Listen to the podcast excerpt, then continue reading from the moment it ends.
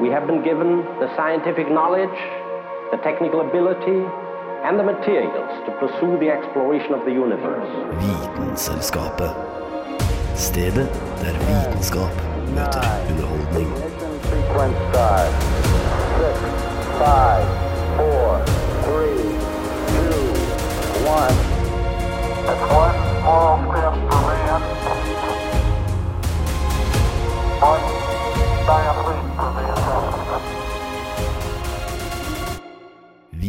Vitenselskapet. På Radio Nova. Hei og hjertelig velkommen til en ny episode av Vitenselskapet. Det har jo blitt et nytt eh, år, vi er i 2024, og eh, årets første sending eh, er det bare jeg eh, som er til stede i studio. Eh, og i stedet for at dere skal høre på mine monologer, så har jeg da valgt et utvalg, eh, noen nye eh, og også noen gamle saker som vi skal få høre på i dag. Så det skal ikke bli for kjedelig, selv om det bare er jeg som er til stede i studio. Um, men uansett, jeg tenker vi bare begynner Uh, Vi bare begynner. Eh, mitt navn er Anna Vik Rødseth, og velkommen skal du være til en ny episode av Vitenselskapet.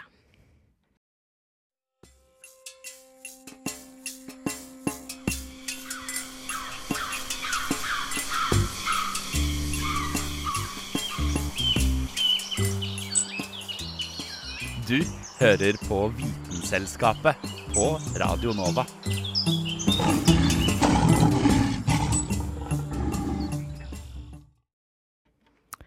Hvis du har lyst til å være lærerens yndlingselev, så er jo stereotypen at du må ha med et eple til pulten deres hver dag. Men hva vet vi egentlig om denne her lærerike frukten? Fra den første fristelsen i Edens hage til starten på Newtons teorier står eplet stadig sentralt i livene våre. Malus silversi, eller villepler som det heter på godt norsk, er forfaren til de kulturplantede eplene vi kjenner i dag, og har trillet langt fra de originale røttene sine i Kasakhstan.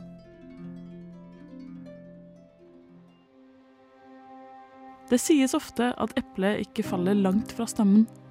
Men det stemmer faktisk ikke om epler, i hvert fall ikke metaforisk sett. For hvis du tar en bit av ditt favoritteple blant de 7500 kultivarene av epler som finnes, og bestemmer deg for at dette vil jeg plante selv i hagen min, så er det faktisk ikke så enkelt som å bare plante et frø eller to fra dette eplet. Hvert frø i et nytt eple er nemlig genetisk helt unikt, og vil resultere i et epletre som bærer frukter med en helt ny smak. For å få en hel frukthage med det samme eplet som du spiste, trenger du faktisk en del av treet som det kom fra. Ja, man må ta bruk av det som kalles poding. Da skjærer du et lite hakk i rotplanten du ønsker å bruke, Grenen fra treet du vil at eplene dine skal smake av, må du også skjære litt i, slik at det passer inn i hakket du lagde. Så plasserer du de sammen som et lite puslespill, og tetter mulige hull med bivoks, slik at det ikke kommer uønskede insekter til. Det finnes også andre måter å pode på, men dette er den mest brukte teknikken for epler. Om du som meg sliter med bjørkepollenallergi, har du muligens også merket deg at du kan få en allergisk reaksjon av å spise epler, spesielt på våren og sommeren. Det har faktisk blitt så vanlig at det har fått navnet bjørkeeplesyndromet. Dette skjer fordi det finnes et protein i noen av eplene som er ganske likt bjørkeproteinet. Vi som blir påvirka av dette proteinet, kan også kjenne på en allergisk reaksjon til andre frukter, nøtter og grønnsaker. Generelt sett kalles disse for kryssallergier. Heldigvis oppstår bare denne reaksjonen hvis du spiser råe epler. Så hvis du tilbereder dem over varme, går det helt fint å spise dem uten å være redd for kløende hals. Allergenet påvirkes også av epletypen og hvor lenge de har blitt oppbevart. Så det kan hende du rett og slett bare må finne et nytt eple å knaske på.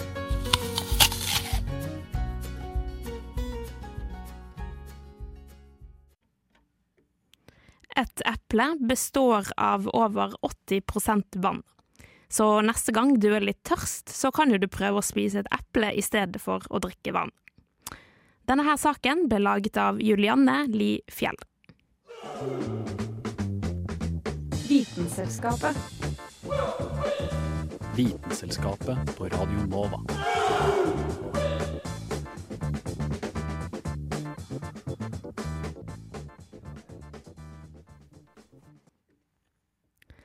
Det er nå tid for å høre om en ny person som har brakt ny kunnskap til verden, som vi i dag lærer masse om.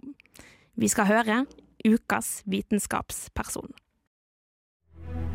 I'm on a fantastic journey to look for the origins of life. E equals mc squared. I suspect that there are more things in heaven and earth than are dreamed of or can be dreamed An event called the Big Bang.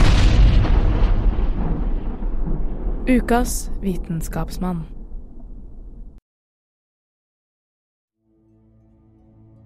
Hvis du er syk, så holder du deg hjemme.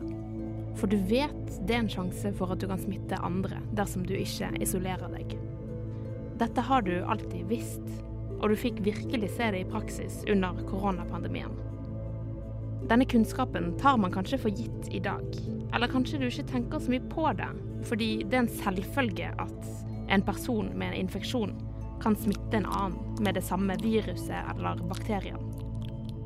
Det man vet i dag og lærer om, var en gang nytt og kontroversielt, fordi det brøt med datidens teorier. Jeg skal nå fortelle deg historien om spedalskhet i Norge, og en mann som var med på å endre hvordan man ser på sykdom og smitte, nemlig Gerhard Ermauer Hansen.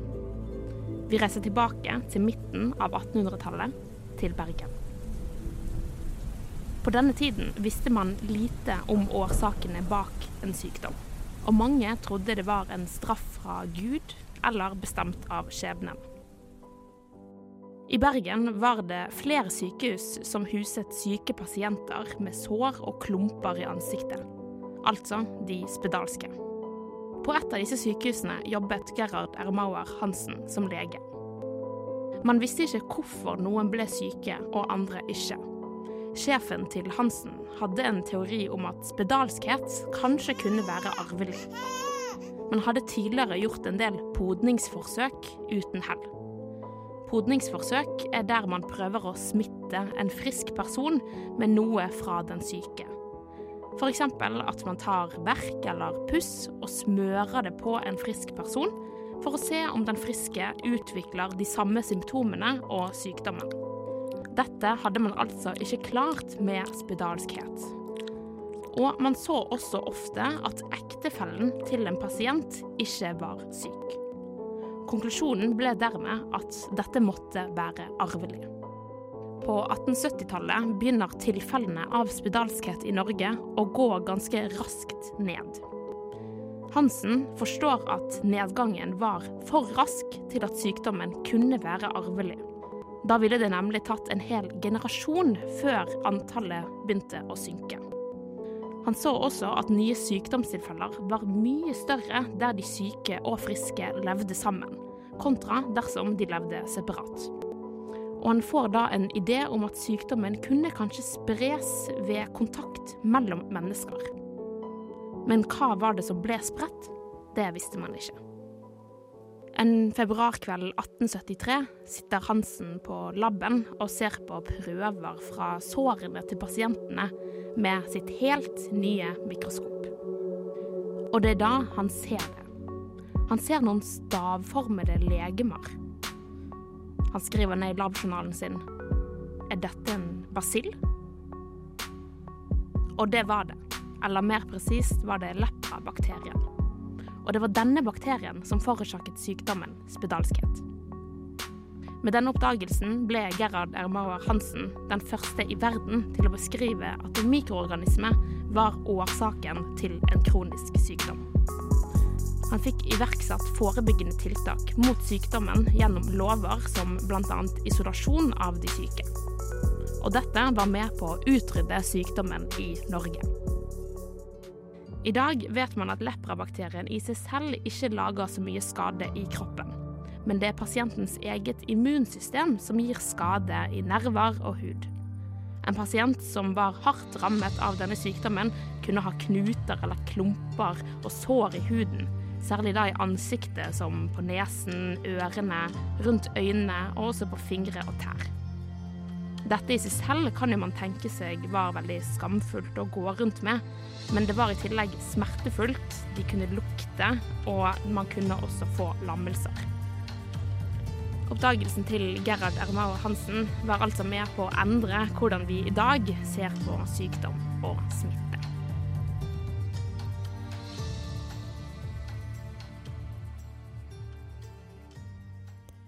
I sin tid som lege på Lepra-sykehuset, så prøvde han en gang å smitte en pasient med materiale fra en leprasyk pasient uten hennes samtykke. Inngrepet forårsaket eh, ingen skade, men kvinnen klaget jo over måten hun ble behandlet på. Det endte faktisk med at Hansen ble fradømt stillingen sin som lege på Lepra-sykehuset i Bergen. Og det her er også en historisk dom, for det er det første kjente tilfellet av rettsforfølgelse av uetisk medisinske eksperimenter i Norge. Og denne saken ble laget av meg, Anna Vik Rødseth.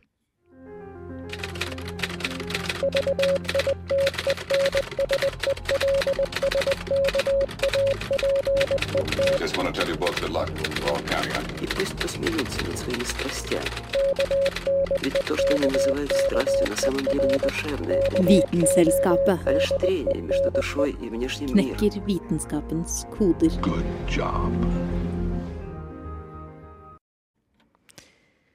Som du jo vet, så må jo alle sammen eh, få eh, Alle må jo sove. Og du har jo også sikkert hørt at det er veldig viktig med god søvn for at vi skal kunne klare å lære oss nye ting. Men er dette her egentlig sant? I neste sak vi skal høre, så tar Kristina deg gjennom hvordan vi sovner, og gir deg til slutt to svært forskjellige måter du kan prøve å våkne på. Søvn er uten tvil veldig viktig, men også et finurlig fenomen, som ikke alltid gir helt mening. Er det ikke litt rart å tenke på at man nærmest ikke registrerer at man sovner, man bare gjør det? Vi bruker ca. en tredjedel av livet på å sove. Søvn er periodisk, går igjen i sykluser, ofte når det er natt og dag. Superenkelt forklart så er søvn veldig viktig for at kroppen skal resettes og gjøre seg klar til dagen etterpå. Så om du er interessert i litt hjernesnakk, følg med nå. Jordens svingning rundt sin egen akse gir opphav til dag og natt, noe som påvirker de levende organismene på jorden, inkludert oss. I løpet av disse 24 timene skjer det forskjellige prosesser i kroppens celler, og vi har ulikt aktivitetsnivå. Hjernen er som de fleste vet det organet i kroppen som vi i hovedsak kontrolleres av. Men hjernen jobber ikke alene. Det skjer et samspill med resten av kroppen vår. Hjernen jobber på den måten at den mottar sansesignalene fra kroppen, analyserer det, og deretter sender ut et signal tilbake til kroppen med en løsning på hvordan vi skal reagere. Et signal som hjernen din reagerer sterkt på, er det som registreres av øynene dine. På dagtid fanger øynene opp lys og omdanner dette til elektriske impulser i spesialiserte celler som videre sender impulsene til hjernen. Ut ifra dette kan hjernen din fortelle deg at du eksempel ser på en hund som sitter foran deg. Det er ikke sånn at lyset kun aktiverer cellene i øyet ditt. Lyset kan nå inhibere eller hemme andre celler som er der. Så når vi nærmer oss kvelden og det mørkner til, skifter fordelingen av hvilke celler som aktiveres og ikke. Når vi ikke får tilgang på like mye dagslys og du lukker øyelokkene dine, sendes det også signaler til hjernen din, ikke om hva du ser på, men at det nå er tid for å sove. Disse impulsene tar veien innom flere steder i hjernen, før det til slutt ender hos en liten kjertel midt i hjernen kalt konglekjertelen. Dette er en liten hormonproduserende kjertel som annet skiller ut hormonet melatonin. Melatonin er et hormon som ofte kalles for søvnhormonene og går i takt med døgnrytmen. Mindre lys fører til utskillelse av melatonin, slik at du enklere sovner. Lys består av forskjellige bølgelengder. Forskning frem til nå tyder på at det er blått lys som påvirker døgnrytmen vår mest. Derfor er det lurt å begrense skjermtid rett før du legger deg, ettersom det forsinker utskillelsen av melatonin, og dermed forstyrrer døgnrytmen vår. Det er viktig med en uthvilt kropp for å kunne ta til seg ny kunnskap. Hvis du går i lengre perioder med for lite søvn, vil du klare å få til det du er rutinert i og gjør hver dag, men for lite søvn vil hindre at du tillærer deg ny kunnskap. Som eksempel det læreren snakker om på forelesning klokken åtte en tirsdagsmorgen. Søvn er derfor nødvendig for ikke bare klare å holde seg våken gjennom dagen, men også registrere og lære nye ting. Og når du først har ligget og sovet i flere timer, er det ikke alltid like lett å stå opp. Men vi i Vitenselskapet har to alternativer til hvordan du lettere kan våkne til. Hvis du ønsker å våkne behagelig og med ro i kroppen, kan du prøve å våkne med en lyslampe som hermer etter den naturlige syklusen for dagslys, slik at rommet gradvis får mer lys til alarmen din går av. Du kan jo òg benytte deg av en alarm med kvitrelyd som sakte, men sikkert øker, og når du står opp, så kan du jo ta noen strekkøvelser før du pusser tenner, går inn i dusjen med varmt vann, og så lager du deg en deilig og fiberrik frokost. Men om det er sånn at du ønsker, eller må, ty til mer drastiske metoder for å våkne til, kan du jo sette på kontinuerlige alarmer med ulelyd, hoppe ut av senga, ta en kald dusj, dunke på med en to, tre, fire, kanskje fem kaffekopper og spise en muslibar for så å løpe ut døra og akkurat rekke forelesning.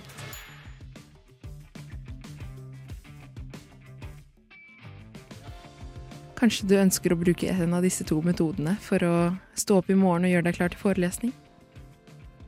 Kanskje vi tester det? Ja, kanskje vi tester det en gang i fremtiden. Jeg må bare si at jeg er tilhenger til den eh, siste metoden Kristina eh, nevnte her. Eh, det å våkne opp rolig med fuglekvitter i bakgrunnen, syns jeg bare er tull. Eh, du må kjapt opp. Eh, ubehagelig skal det være. Sånn er eh, livet. uansett, denne saken ble laget av Kristina Stokland.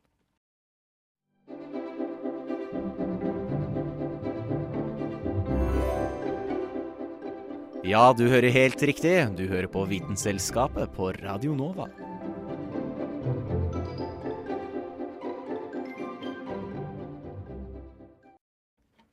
Eh, når vi først er innom på en måte søvn, det å sove, så å våkne, så har jo alle sammen, vil jeg tro, eh, hatt mareritt. Både eh, ekstremt skumle og sikkert eh, noen deilige drømmer. Um, men det kan hende også at du har opplevd eh, et levende mareritt. Eh, og det skal vi høre litt om nå. Har du noen gang hatt et mareritt hvor du løper og løper, men uansett hva du gjør, så klarer du ikke å komme deg unna? Du prøver å slå og sparke, men ingenting hjelper. Alt man vil, er å våkne. Men hva om marerittet fortsatte? Øynene åpner seg sakte, og du prøver å strekke deg. Men ingenting skjer. Er du fortsatt i drømmen? Nei. Der er jo rommet mitt. Du prøver å snu på hodet. Igjen skjer ingenting. Hva i all verden? Da ser du det. Et mørke som sitter oppå garderoben din. Du kan høre det puste.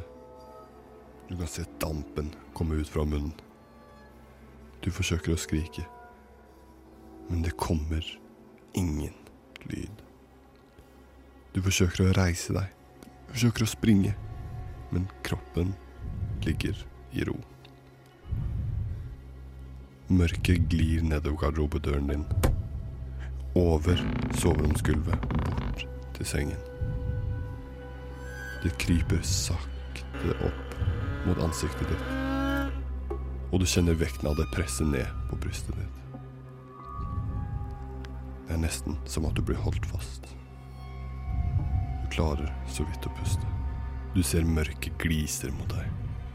Med en rask bevegelse prøver du å gå inn dine ører, dine øyne din munn. Du blir invadert. Og rett før den er ferdig, skriker den i ansiktet ditt. Du kjemper med alt du har for å skrike tilbake og riste deg løs. Men den siste, lille kjempingen klarer du å rykke på hodet ditt. Alt blir borte. Og du ligger der alene i mørket. Det var en opplevelse Amber Leon hadde med søvnparalyse. Søvnparalyse er en forstyrrelse som oppstår når en person opplever at selve kroppen er i hvilemodus, mens bevisstheten er våken. Det skjer vanligvis i overgangsperiodene mellom våkenhet og søvn. Så altså når du legger deg, eller når du våkner opp. Søvnparalyse kan absolutt være en skremmende opplevelse. Fordi du er våken og klar over omgivelsene, men du kan ikke bevege deg eller reagere på noe. Dette kan føre til en følelse av hjelpeløshet og redsel. Samtidig kan du oppleve hallusinasjoner. Så du kan både se, høre og føle at noe er der. Søvnparalyse er vanligvis ufarlig, selv om det kan være skremmende. De fleste episodene varer bare noen få sekunder til noen få minutter, og løser seg selv. Det er dessverre ikke så mye man kan få gjort for å forebygge det her, eller for å hjelpe mot det. Så hvis du havner i en slik situasjon, lykke til. Herregud. Ja, jeg håper jo i hvert fall ikke at eh, du noen gang eh, opplever noe sånt. Um, uansett så ble denne her uh, saken laget av uh, Jonathan Malmberg. Du hører på Vitenselskapet. Tirsdager klokken ti til halv 11 på Radio Nova.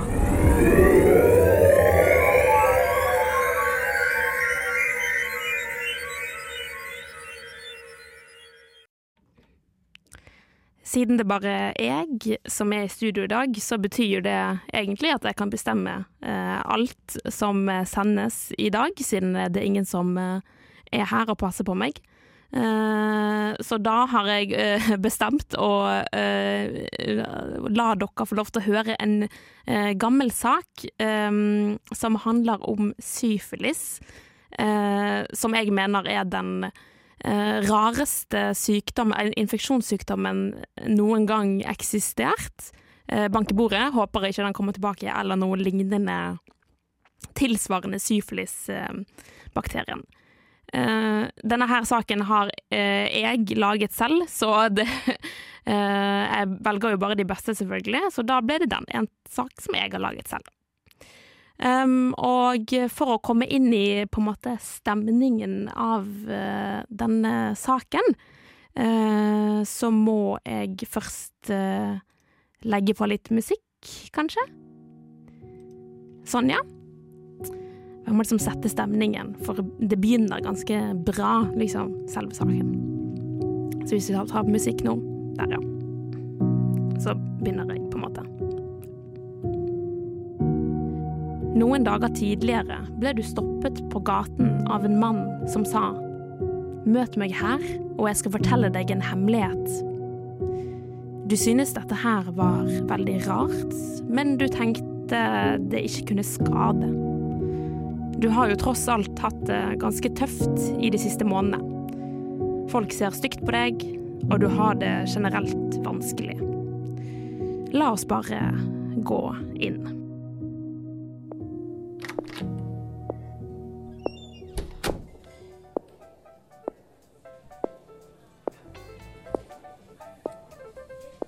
Du har blitt rekruttert hit, ja, fordi du ikke har nese.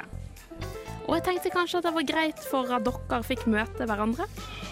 For jeg ser jo den skammen dere bærer på, og hører jo om hvilke monstre dere er som har fortjent å leve et liv uten nese.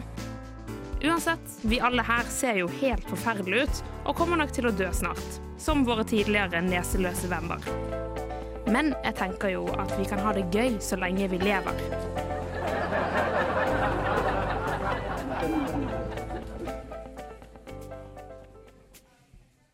1700-tallets London hadde en klubb for de som ikke hadde nese. Altså No Nose Club. Men hvordan i all verden var det nok mennesker uten nese til å danne en klubb? Jo, på denne her tiden så herjet den fryktede sykdommen syfilis. Hvordan man mistet nesen, er jo ett spørsmål. Men hva kunne man gjøre når det først hadde skjedd? Vel, enten så kunne man få en slags transplantasjon fra din egen arm. Altså at du opererte og sydde fast armen din i fjeset ditt. Og sånn her måtte du gå i ca. 40 dager, og egentlig bare håpe på at du ikke begynte å nyse. For da ødela jo du hele denne konstruksjonen. Hvis dette her ble litt for voldsomt, kunne jo man bare kjøpe en neseprotese. Som da er en nese koblet til et par briller. Uansett hva du måtte velge, eller om du ikke ville velge noen ting, så var jo ikke dette her helt optimalt. Men neseløsheten er jo bare én ting som kan skje dersom man har ubehandlet syfilis. Syfilis er en kjønnssykdom forårsaket av bakterien treponema pallidum. Hvis man ser denne bakterien under et mikroskop, så kan den se ut som en liten lysende pastaskrue, som jo gjør saken enda morsommere. Dersom man skulle blitt smittet i dag med denne bakterien, så er det en veldig enkel kur. Penicillin, og du er frisk. Men før oppdagelsen av antibiotika var det nesten krise om man ble smittet. Som jo for så vidt gjaldt mange andre bakterier på denne tiden. Men forskjellen var at syfilis er en sykdom som gir veldig synlige sår og arr, bl.a.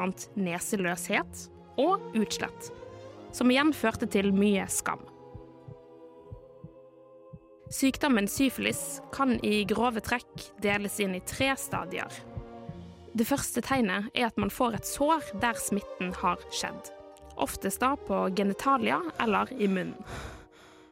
I neste fase har bakterien fått tid til å spre seg i blodet, og man får utslett på kroppen og andre vanlige infeksjonsrelaterte symptomer, som feber, slapphet, hodepine osv. Deretter så går sykdommen over i en latent fase. Altså at bakterien bare er i kroppen, men ikke gjør noe. Dette kan han gjøre i mange år før den siste fasen kommer til syne. Og hvis du da er maks uheldig, kan bakterien gå til hjernen og gitt deg nevrosyfilis. Når dette skjer, så blir man rett og slett gal og dement.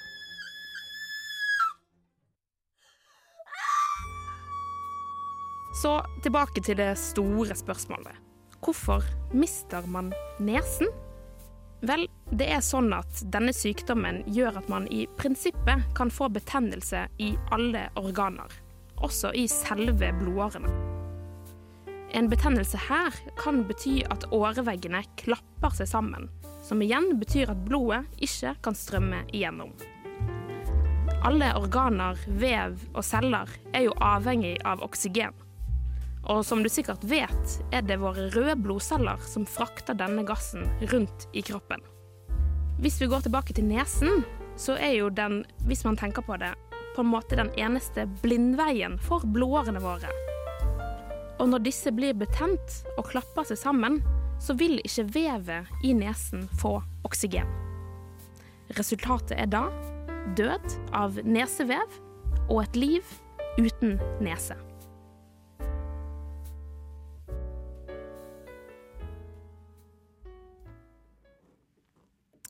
Og denne saken ble laget da av eh, meg, Anna Vik Rødseth.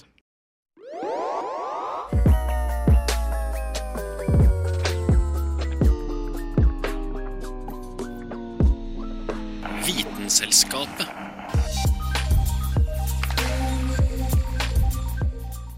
Ja, det var dagens sending. Årets første sending av Vitenselskapet. Eh, bestående av meg, som ledet dere forhåpentligvis trygt eh, gjennom. Eh, hvis du vil høre mer av oss, så kan du høre oss på egentlig overalt der du finner podkast. Eh, eller så høres vi på Radio Nova hver tirsdag klokken ti. Vi snakkes!